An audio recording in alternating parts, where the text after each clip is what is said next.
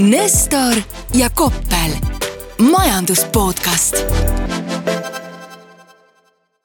tere taas kuulama majandus podcasti Nestor ja Koppel. minuga on Nestor, kes on SEB majandusanalüütik ja mina olen Koppel ja ma olen Redgate Wealthi investeeringute valdkonna juht. ja täna tuleb võib-olla selline huvitav ja sisukas äh, taskuhääling, sellepärast et äh, tsiteerides või parafraseerides kultusfilmi Malev, siis mis sellel kõigel sakslastega pistmist on ja selgub, et sakslastega on tegelikult pistmist päris palju. räägime veidikene ka Eestist ja seal on ka sakslastega natukene pistmist ja siis võib-olla räägime ka aktsiaturgudest, kus äh, sakslastega on võib-olla seekord vähem pistmist aga laseme käia ja Nestoril on juba nii-öelda sõrmed sügelevad, ta kangesti tahab Eesti tööturust rääkida. tahtsin alustuseks öelda, et sa oled väga enesekindel, kui sa arvad, et see tuleb sisukas äh, vestlus siin, aga anname endast parima. Äh, mina tahtsin rääkida Eesti tööturu olukorrast, et äh, nimelt siis eelmisel nädalal tuli Statistikaamet välja teatega, et nad on kokku saanud oma viimase tööjõu-uuringu tulemused ja selle tulemusena on Eestis töötus kasvanud kuue koma seitsme protsendini mis äh, arvestades seda, et varasemalt on see töötuse määr meil seal kuskil viie protsendi peal natuke olnud, äh, kõlas justkui väga dramaatilisena, et äh, töötus on hakanud suurenema. aga kui sinna nagu natuke sisse vaadata, siis peamine põhjus, miks me näeme sedavõrd kõrget töötuse määra on siis see, et teataval asjaolul on Eestis kasvanud see hulk inimesi, keda me nimetame tööjõuks, ehk siis inimesed, kes töötavad ja kes või, või siis, kes tööd äh, soovivad leida, on kasvanud tõesti rekordilise numbrini. et neid loeti kokku siin teises kvartalis lausa seitsesada nelikümmend viis tuhat inimest. ja noh, üllatus-üllatus, kelle arvelt nad on kasvanud, on ikkagi need äh, meie, meie Ukraina sõbrad, kes on siis Eestis peavarju leidnud. Nad tegelikult ju saabusid muidugi juba eelmisel aastal valdavalt aga eelmine aasta nad ei mahtunud veel siis selle kurikuulsa tööjõu-uuringu valimi sisse ja sellest aastast on nad sinna liidetud ja, ja paisutanud siis tõesti nende inimeste ridu, kes Eestis kõigepealt muidugi tööd teevad, aga kahjuks ka veel ka selles osas, et äh, mitte kõik neist ei ole ju tööd leidnud aga põhimõtteliselt on olukord ikkagi selline nagu tavaliselt, kui majandusel enam-vähem hästi läheb, kuigi majandusel praegu enam-vähem hästi ei lähe. ehk siis struktuurne tööjõupuudus ja hästi kõrge tööhõive. ja no ma ütlengi, et mingisugune ajakirjanik mul siin hiljuti küsis, et, et kuidas, et kui nüüd Eesti väljavaade nagu majanduse poolest siin nagu paistab ja et kas on olnud ikka juba sellised ka nagu negatiivsed üllatused, mina ütleks, et siiamaani kõik on nagu pigem nagu positiivne üllatus olnud, et niigi hästi läinud on, et kui, kui vaadata seda nagu majanduse üldist väljavaadet, siis see praegune tööturu olukord on ikkagi nagu enneolematult hea, et meil tuleb ju siin nüüd selle nädala lõpus reedel tuleb välja viimane statistika selle kohta, et mis meil keskmine palk oli teises kvartalis, noh, ootaks sealt ka nagu päris tugevat numbrit. sest et kui vaadata Maksu- ja Tolliameti andmeid, siis väidetavalt on meil ikkagi ka see keskmine brutotöötasu praegu siis üksteist protsenti kõrgem, kui ta oli samal ajal eelmisel aastal. oota, ja inflatsioon oli palju? Äh, viimane number oli meil kuus koma neli, ehk siis saaks rääkida sellest, et reaalpalk kasvab ikkagi täitsa tublisti, siin viie protsendi juures peaaegu. aga see on ju ausalt öeldes, kui vaadata mm, tööstustoodangut, kui vaadata jaekaubandust, kui vaadata kasvõi majanduskasvu numbreid, siis seal kuskil on nagu mingisugune selline noh, kuidas ma nüüd ütleksin, mingisugune selline koht, mis tekitab nagu mõningaid küsimärke, et kas, kas sul ka ja et äh, noh, ega mulle tundubki, et täna on see tööturu tipp nii-öelda saavutatud, et äh, kui vaatame neid samu Maksu- ja Tolliameti andmeid äh, selle tööjõu-uuringu kõrvale, et noh, tööjõu-uuring, et see on valimipõhine küsitlus. maksu- ja Tolliamet teab nagu päriselt, et kui palju siis inimesi tööl käis siis viimane statistika nüüd juunikuu kohta näitab, et võrreldes siis eelmise aasta sama ajaga on hakanud nende palgasaajate arv natukene langema, et Äh, vabandust, kuust kuusse võrdluses siis, et kui võrrelda juunit äh, maikuuga. see nagu muutus on seal küll väga väikene, aga kui minna nagu sinna sisse, et siis see pilt on hoopis teistsugune, et äh, nimelt meil on nagu töökohti juurde tekkinud siin majutus-toitlustusvaldkonnas, teenindussektoris aga samal ajal töötlevast tööstusest on juba kadunud neli tuhat viissada töökohta Maksu- ja Tolliameti andmetel, et see on nagu päris suur kukkumine Äh, samamoodi tegelikult ka ehitussektor, et seal on äh, täna nagu palgasaajaid oluliselt vähem. ja noh, kui vaadata seda pilti, et äh, noh, siiamaani mulle tundub, et tegelikult ettevõtted on olnud pigem hästi nagu alalhoidlikud, et nad ei ole soovinud töötajaid enneaegu siin koondama hakata ja loodavad, et varsti läheb paremaks. no ma kardan, et sellist nagu positiivset hoiakut siin nagu lõpuni ei suudeta hoida ja tegelikult siin sügis-talv hakkab tooma neid äh, suuremaid teateid ka koondamistest et põhimõtteliselt, kui sul ikkagi nagu käive kukub kolmkümmend protsenti, et siis sa ilmselt äh, sama palju inimesi tööl hoida sisuliselt ei saa jah, ja no seega siin osad ju kurdavad ka, et ta ei ole mitte kolmkümmend protsenti kukkunud, vaid juba näiteks viiskümmend protsenti kukkunud. et äh, jah, et meil on eelmistest aastatest olemas äh, mingisugused vahvad reservid ettevõtetel, et sa mõnda aega suudad nagu vastu pidada. Ah, ma tean, et on ka ettevõtted, kes on siis saatnud nagu suveks võib-olla ajutiselt nagu puhkusele pikemale inimesed aga noh, probleem on tõesti jah, et tuled sügisel tagasi, aga ikka ei ole veel mitte midagi teha. ja ilmselt on natukene võib-olla seda kummi venitatud ka sellepärast, et mingitel ettevõtetel on kogemus aastast kaks tuhat kakskümmend, kus nad hästi kiiresti hakkasid kulusid kokku tõmbama ja siis oli pärast jube tüütu neid inimesi tagasi tööle meelitada jah, täpselt, me oleme vist seda varem ka siin maininud ja noh, millest me oleme ka varem rääkinud, eks on, et äh, valdavalt need äh, probleemid on siis tõesti töötlevas tööstuses ja see on seotud äh, Põhjamaade kinnisvara ehitusturuga ja puudutab see siis Eestis äh, valdavalt äh, puidutööstust, mööblitööstust ja siis nende moodulmajade valmistajaid. ja, ja noh, neis harudes siin, kui vaadata nagu, et tegemist on tegelikult selles tööstuse sees ju ühtede kõige suuremate alasektoritega, et puidutööstuses siin oli esimeses kvartalis hõivatuid kuskil kuusteist tuhat inimest. mööblitööstuses seitse tuhat, et need on päris suured numbrid ja, ja noh, jällegi vist oleme siin varem ka sellest rääkinud, aga need töökohad asuvad valdavalt ju mitte Tallinna linnas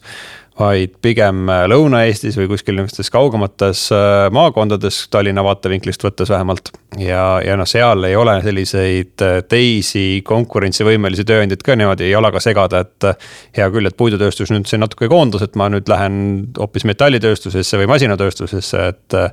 see, see töökohtade kättesaadavus, kui riigis tervikuna on meil päris hea, siis kuskil Valgamaal või Võrumaal võib olla olukord hoopis teistsugune jah, ja arvestades sellega, et me räägime ekspordist mm, antud kontekstis, siis Soomest on minuni jõudnud signaalid, et noh, ka Helsingis näiteks kinnisvaraturg äh, sisuliselt on jääs, et seal lihtsalt ei toimu mitte midagi. intressid on kallid, hinnad on kallid ja kellelgi ei ole eriti mingisugust huvi äh, praegu midagi teha ja noh, ongi peamine probleem on täna ju see, et, et noh, meil ei ole mitte mingisugust nagu alust öelda, et varsti läheb paremaks. sest et kui vaadata, siis no ütleme ehitusmahtusid, et kui palju praegu ehitatakse, noh, need on siin Rootsis, Soomes langenud kuskil kolmandiku võrra kui me vaatame ehituslubasid, siis seal noh, hea, kui selle mõni luba üldse välja antakse, et seal on see langus olnud kuskil seitsekümmend protsenti isegi. ehk siis tegelikkuses järgmine aasta tuleb ju veel hullem ja, ja see vaikelu jääb püsima väga pikaks ajaks mis siis nagu noh, panebki tegelikult ju mõtlema, et mis siis pihta hakata. et äh, nii ettevõtte tasandil kui tegelikult on ju riigina, et äh, kui teame, et meil puidutööstuses, mööblitööstuses on äh, nõudlust väheks äh,, jääb väheks nagu väga pika aja vältel, et noh, me ei hakka siin nagu homne päev nüüd neid äh, mööblit või valmismajasid Hiina saatma või kuhugi hoopis teisele turule et see, see vaikelu kestab väga pikalt. mis siis nende inimestega teha, on ju, et äh, sa ei kolm aastat kodus nüüd ei oota, et varsti-varsti äh, tuleb nõudlus tagasi ja siis lähen uuesti sinna nagu treepingi taha jah, ja ega nende hiinlastega ka ju tegelikult hästi ei ole, et ka nende majanduskasv kipub äh, sõna otseses mõttes köhima, komistama ja olema võib-olla. mõned ju juba julgevad väita, et et äh, hiinlaste nelikümmend aastat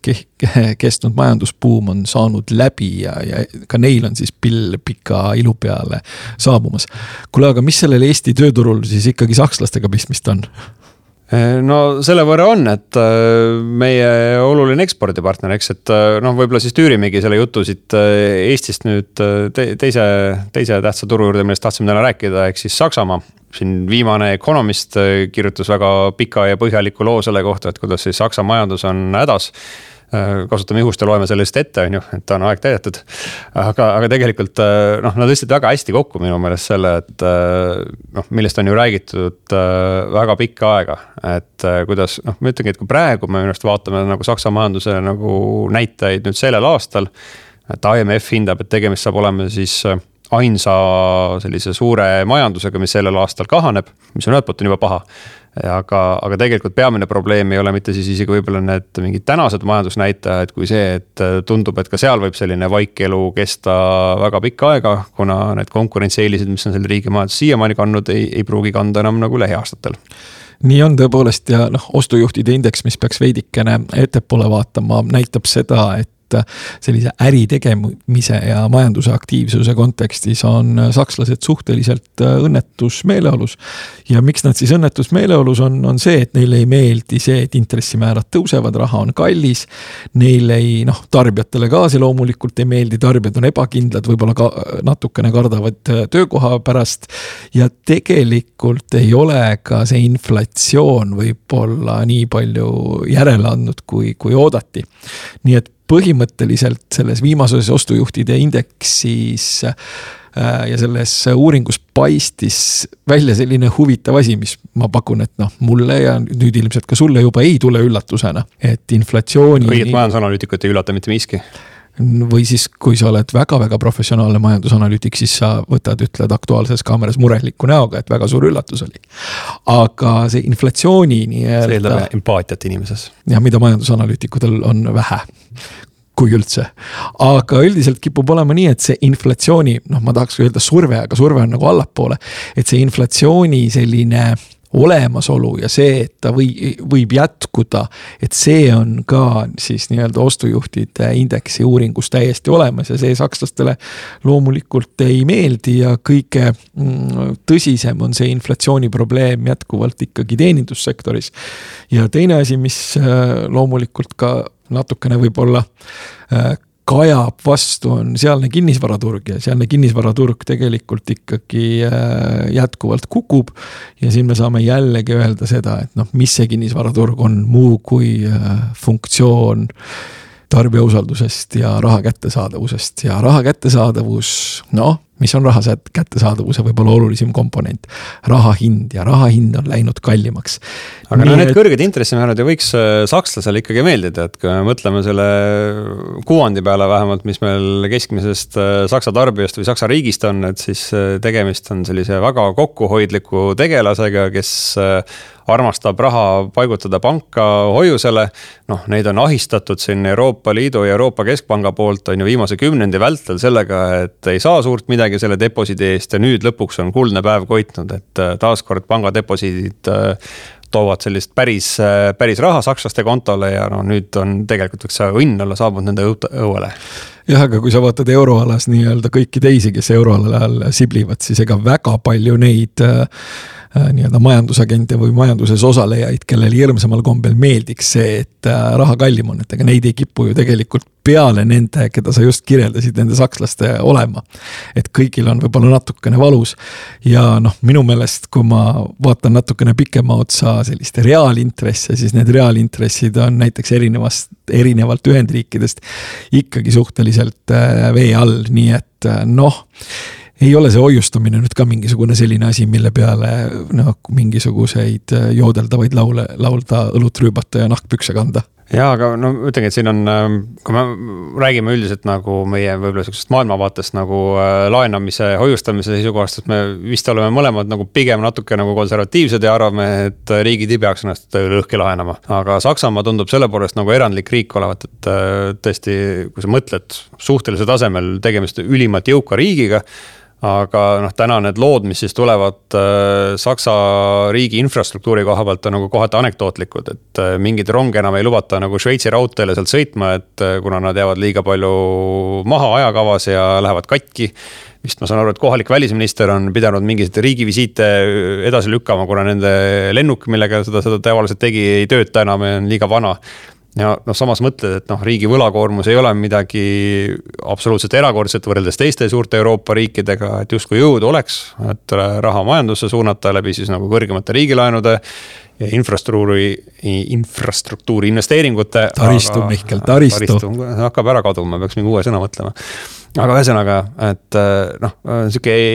iseendale tekitatud nagu probleem on see põhimõtteliselt. seal kuidagi tundub jah, et äh, täiskasvanud ei ole toas ja kord on äh, käest ära ja mis Saksamaa puhul minu jaoks võib-olla kõige ebameeldivam sõna on, mida kasutavad võib-olla. Schmetterling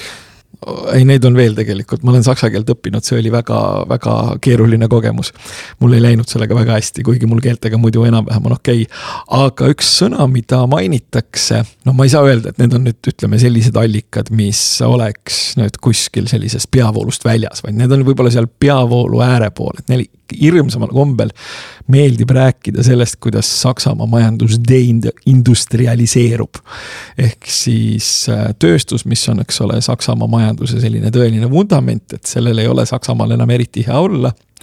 ja põhjuseid selleks on loomulikult palju, aga üks äh, mahepõhjus on energiapoliitika, et kus nad sisuliselt on endale mm, äh, jalga tulistanud. nii et Saksamaa on jah, natukene selline Euroopa võib-olla kõige haigem suur tegija, aga kui ma mõtlen nüüd ka ettevaatavatele indikaatoritele, siis ka sellise riigi kontekstis, kus äh, üldiselt äh, tehakse päris head süüa, veel paremat veini ja aeg-ajalt süüakse ka konni. siis äh, ka sealne ostujuhtide indeks tegelikult viitas sellele, et seal ei lähe eriti hästi et kas nüüd, kas nüüd just nagu mingisugusest langusest saab hakata rääkima, aga hästi eriti ei lähe ja seda võib-olla vaatamata sellele, et neil on energiaga enam-vähem arvestades sellepärast, et nemad aatomikku ei ega karda. midagi suurt midagi ei tee, vaata seal tööstuse mõttes, et ega ei ole seda energiat ka tarvis siis, eks. jah, et noh, selles mõttes, et aatomik ja palju ametnikke. jah, et noh, mis ta oli, et Prantsusmaal, kui ma ei eksi, on vist circa kümme protsenti SKP-st annab tööstus Saksamaal kakskümmend protsenti, on ju. aga ma, ma natuke olen nagu selle poolest nõus, et Saksamaale tehakse ka hetkel minu meelest pisut liiga. et saad aru, et kui tegemist on ülimalt äh, tööstusele, ekspordile keskendunud äh, suurriigiga ja kui sa vaatad täna nagu globaalset majanduskonjunktuuri, noh, lihtsalt ei ole tööstustoodete järgi sedavõrd suurt nõudlust, kui on teenindussektori järgi ja natuke on pagana obvious, et äh, Prantsusmaa ja Hispaania sellistes oludes nagu lähebki paremini. aga noh, jah, põnev küsimus on nüüd siis see, et kas tegemist on äh, sellise ajutise probleemiga lihtsalt konjunktuuris ja varsti tuleb õnn õue peale tagasi või, või pigem äh, on siit nüüd, saab alguse suur ja ja kauakestev madalseis, kus sakslastel on vähe lootust välja tulla, kuna nende majandus on niivõrd vana ja, ja pole investeeringuid teinud ka erasektor ja teodavad oma saksa autosid, mida varsti enam hiinlased ei taha ja kõik see aga kui veel Prantsusmaast rääkida, siis tegelikult noh, üks väikene asi, mis on, on seal ka tegelikult päris hästi, on see, et kui. ma arvan, et me siin äh, mingisugusel hetkel, kui me oma selle taskuhäälinguga alustasime, siis me natukene oleme Euroopa kallal norinud, et äh, kuidas kõik paremad ülikoolid kipuvad olema Ameerikas ja kuidas kõik suuremad ettevõtted kipuvad olema Ameerikas või siis äärmisel juhul mõni on äh, Hiinas ka. et siis nüüd ikkagi ollakse jõutud sellisele tasemele, et kus maailma üks rikkamaid inimesi on pärit Prantsusmaalt ja maailma üks suurimaid ettevõtteid turuväärtuselt. et noh, mahub isegi sinna top kümnesse, on pärit Euroopas ja sa kindlasti ütled mulle ära, mida see ettevõte toodab. oota, aita mind nüüd välja sellest piinlikust seisust. see toodab, ütleme selliseid asju, mida, millest osasid meie kindlasti ei tarbi, aga mõnda me isegi võib-olla oleme kunagi natukene tarbinud, see on Louis Vuitton Moe Hennessy ei, neil läheb hästi jah, suhteliselt küll, sellega ma olen nõus, aga noh, kui veel sellest Saksamaast rääkida, et äh, lugedes kõiki neid tarku artikleid, mis siin viimasel ajal on Saksa majanduse kohta räägitud, et äh, mis minu jaoks oli nagu päris karm, on see, et kui me räägime, et organisatsioon on meil nagu IMD, kes koostab riikide konkurentsivõimelisuse edetabelit, et äh, tegelikult äh, on Saksamaa teinud tugeva vähikäigu äh, ka oma, ütleme, sihukese ettevõtluskeskkonna konkurentsuse võimaluse osas. ja mitte seetõttu siis, et nad on hakanud asju nagu halvemini tegema,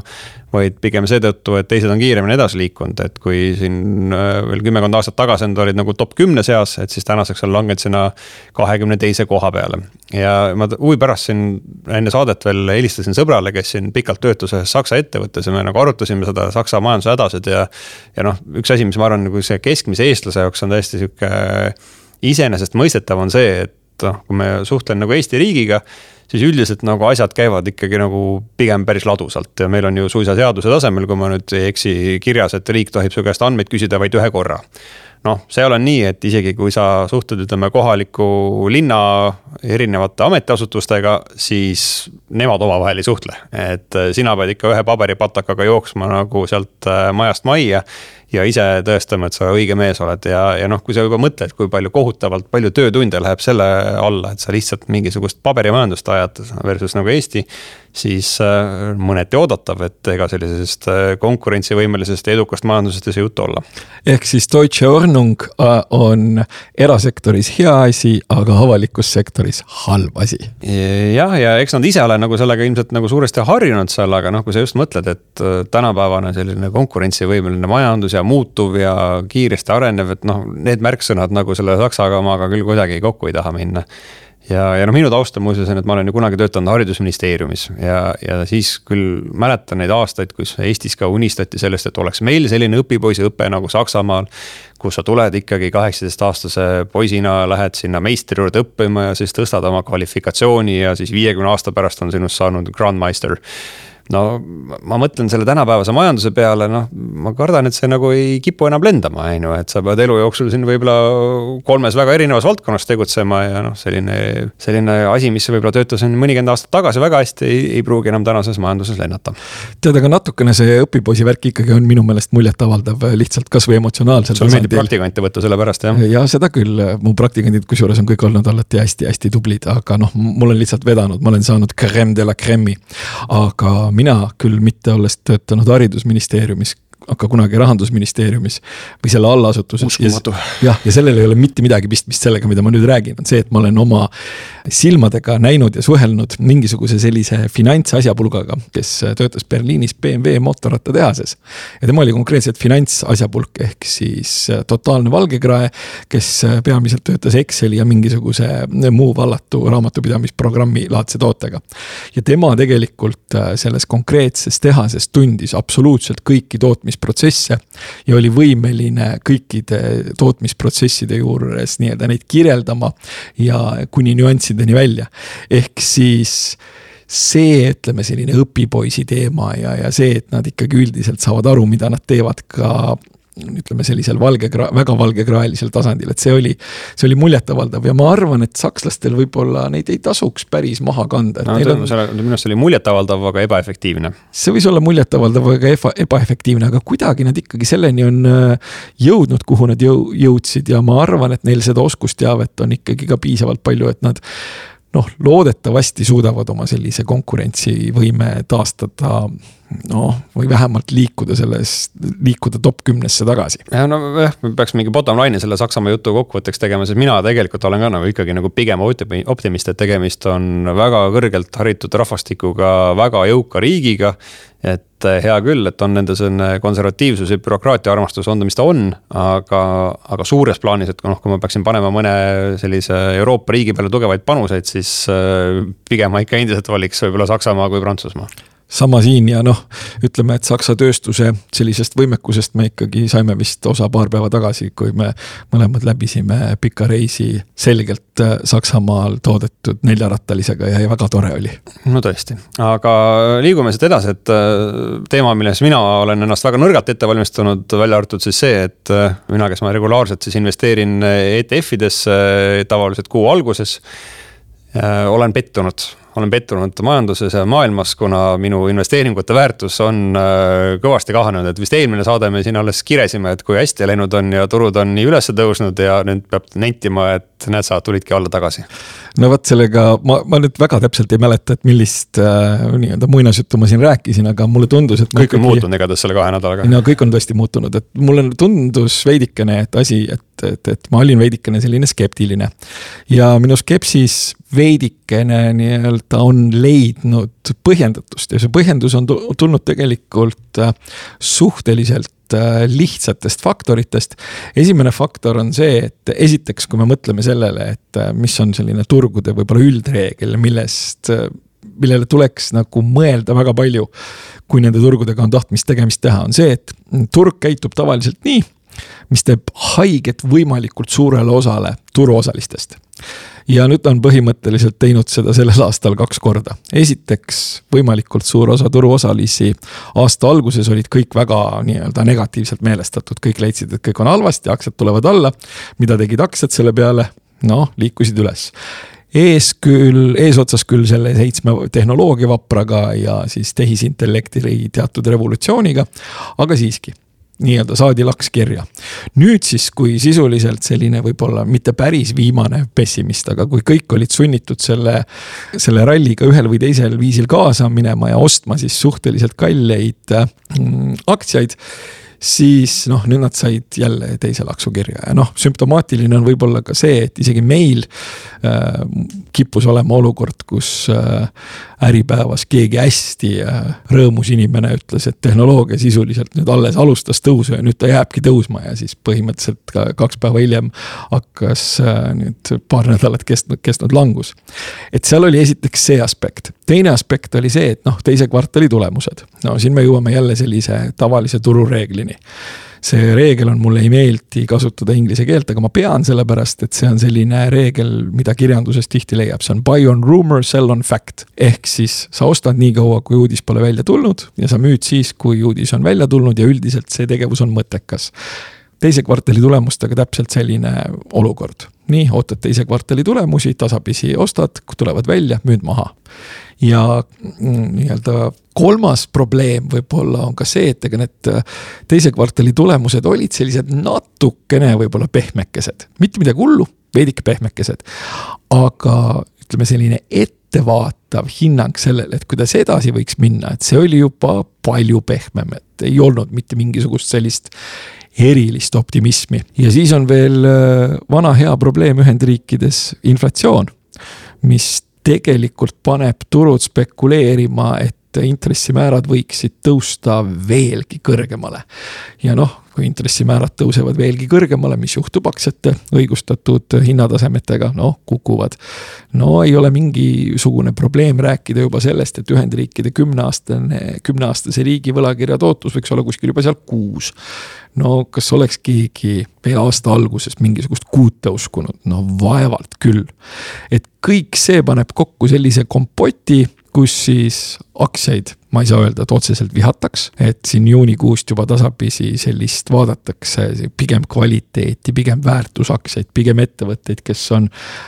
hästi oma nii-öelda suutnud oma efektiivsust kasvatada, kes päriselt, päriselt teenivad raha ja tapvalt palju ei maksa. aga üldiselt selline, sellises tehnoloogia, tehisintellekti eufoorias, no väikene paus ikkagi on, et noh, Nasdaq on tipust kuus protsenti all, Standard Poor's viissada neli pool protsenti. nii et no mina, mina peamiselt väga loodan selle peale, et äh, kui mina nüüd järgmise kuu alguses jälle ostan, et äh, see pessimism on püsinud. et, äh, et kui on jälle tekkinud mingisugune opt-, optimism ja turgude uus tipp selleks hetkeks, siis, siis ma tunnen ennast jälle väga ebamugavalt, et mul on tunne, et me kordame seda kõike jälle, jälle ma, jälle ma kaotan raha. No vaata, sellega on ikkagi selline lugu, et kui sa sellist regulaarset ostmist teed, siis just see, et sa vahepeal ka odavamalt saad, on see, mis võtab, tekitab sulle võib-olla no,. oluline, et see odav koht saabuks kuu alguses, kui mina ostan jah, seda küll, sellepärast et ajastamisega on täpselt nii, nagu on ja ma arvan, et seda me oleme siin ka varasemalt arutanud, et me vist ei ole suutnud äh, tuvastada mitte ühtegi nagu väga head ajastamismeetodit peale selle, et distsiplineeritult osta kuu alguses. ma muidugi ei tea, miks sa just kuu alguses ostad, kas siis tuleb palk peale? palgapäev. palgapäev, okei okay minul see regulaarse ostmise kuupäev on mingisugune väga imelik, kas mingi kaksteist või midagi sellist. ma mõtlesin kusjuures selle peale väga hoolikalt, et noh, et kas, kas siin võiks olla mingi trendijoon, et ka teised inimesed saavad samal ajal palka ja siis kõik ostavad ja turud tõusevad, aga ma ikkagi arvasin, et selline turg nagu USA-s võib-olla nagu SB viissada indeks, et. On tõenäoliselt selle läbi näinud ja muutunud piisavalt efektiivseks, et selliseid ebaloogikaid seal ei saaks eksisteerida. ma kahtlustan ka, et selliseid ebaloogikat seal ei ole, nii et, aga mis veel on võib-olla huvitav, et kui siin sai mainitud seda, et, et noh, turg teeb võimalikult paljudele alati haiget, tulemused on olnud enam-vähem võib-olla okei okay,, aga, aga sellised väljavaated pole olnud eriti toredad, siis selline tore, mitte just kõige väiksem institutsioon nagu Bank of America võtab, teeb sellist asja nagu uuring fondijuhtide hulgas. ja see on alati, näitab põhimõtteliselt siis seda, et kuhu siis äh, sellised valgekraelised, hästi lõhnastatud sotsiopaatsete kalduvustega tegelased on kõige rohkem raha lükanud. ja nüüd on siis jõutud äh, sellise toreda hetkeni, et kus kõik justkui on olnud sunnitud või on olnud tahtnud seda tehnoloogiarallit Äh, taga ajada. ja tegelikult jällegi tehnoloogias ollakse siis kõige suuremas ülekaalus oma portfellides alates kahekümne esimese aasta detsembrist ja noh, siin me võime muidugi tuua toreda paralleeli sellega, et ja mis juhtus kahekümne, kahekümne teisel aastal ja mis juhtus kahekümne teisel aastal tehnoloogiasektoriga. ehk siis see on nagu selline veidikene, veidikene, veidikene vastassuunas näitav indikaator, et kui kõik on äh, põhimõtteliselt äh, tormanud ühte kohta kohale nagu Lasnamäe bussi, nii et uks enam kinni ei lähe, siis tavaliselt tuleb mingisugune jama no aga loodame ikka kõige paremat, aga, aga siinkohal me oleme pool tundi täis rääkinud, et äh, tõmbame tänasele joone alla ja aitäh kuulamast, jääge moodsaks. Teiega oli tore, kütame edasi. Nestor ja Koppel, majandus podcast